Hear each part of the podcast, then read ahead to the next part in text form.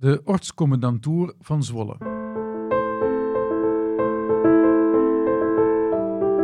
Uit de oorlogsverslagen van het klooster.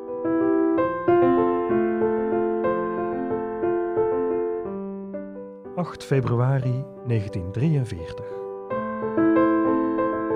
Zal ons klooster nieuwe rampen te verwachten hebben?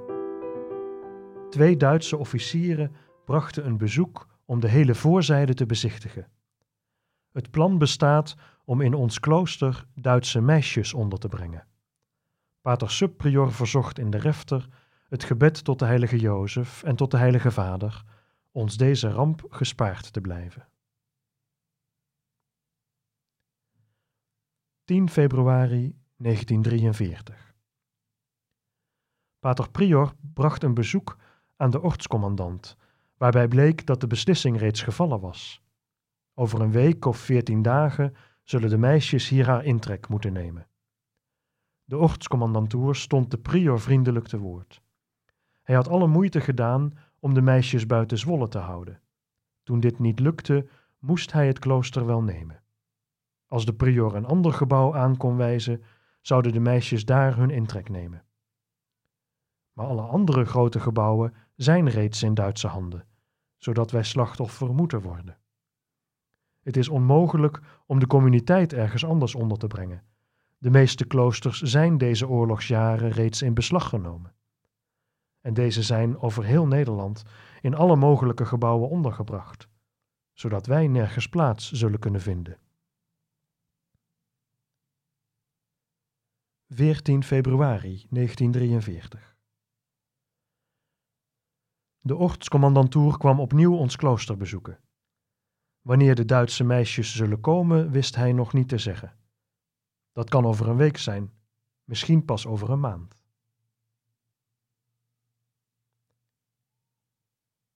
...9 april 1943 Bleek de ortscommandantoer nog niet te weten... ...wanneer de meisjes daadwerkelijk intreden zullen doen.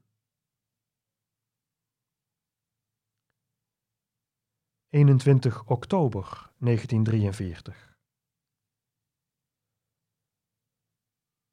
Over de komst van Duitse meisjes hebben we niets meer vernomen. 1 november 1943. Bij ingang van Heden is de voorkant van ons klooster, die in februari gevorderd was door de Duitse instanties, in verband met de komst van Duitse meisjes, officieel weer vrijgegeven.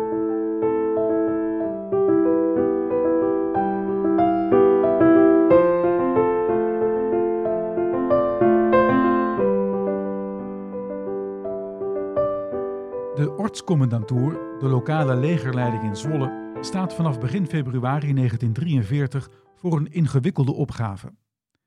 Er wordt hem gevraagd een plek te vinden in Zwolle voor 170 Duitse meisjes, die lid zijn van een soort Hitlerjugend. Deze meisjes worden naar het nazi-ideaal opgeleid tot onberispelijk huisvrouw en moeder van liefst veel kinderen. Het enige gebouw waar ruimte gemaakt kan worden is het Zwolse Dominicanenklooster.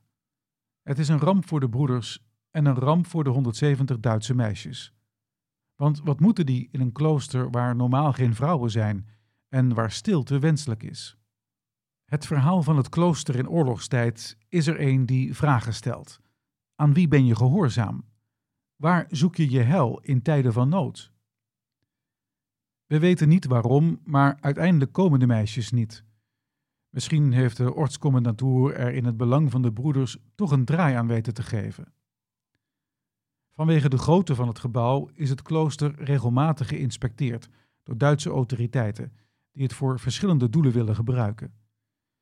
In totaal wordt het klooster twee keer daadwerkelijk bezet.